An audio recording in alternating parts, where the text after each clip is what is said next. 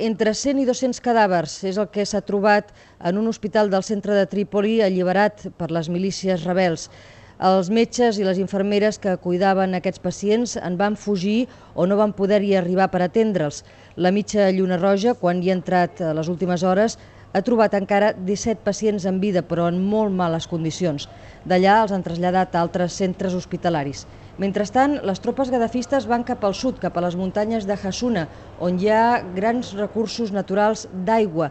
Es sospita que podrien intentar actuar contra aquests pous naturals per deixar Trípoli sense subministrament o que potser també s'estiguin acostant a la frontera algeriana per poder-hi ser més a prop en cas d'haver-hi de fugir. A la ciutat de Sirte, mentrestant, continuen els bombardejos. Sobre el que pugui estar passant ara mateix a Trípoli és una incertesa perquè la situació ara mateix és tranquil·la però pot canviar en qualsevol moment. En tot cas, aquest és el balanç que ens en feia un dels seus veïns. A la ciutat vella encara hi ha forces de Gaddafi.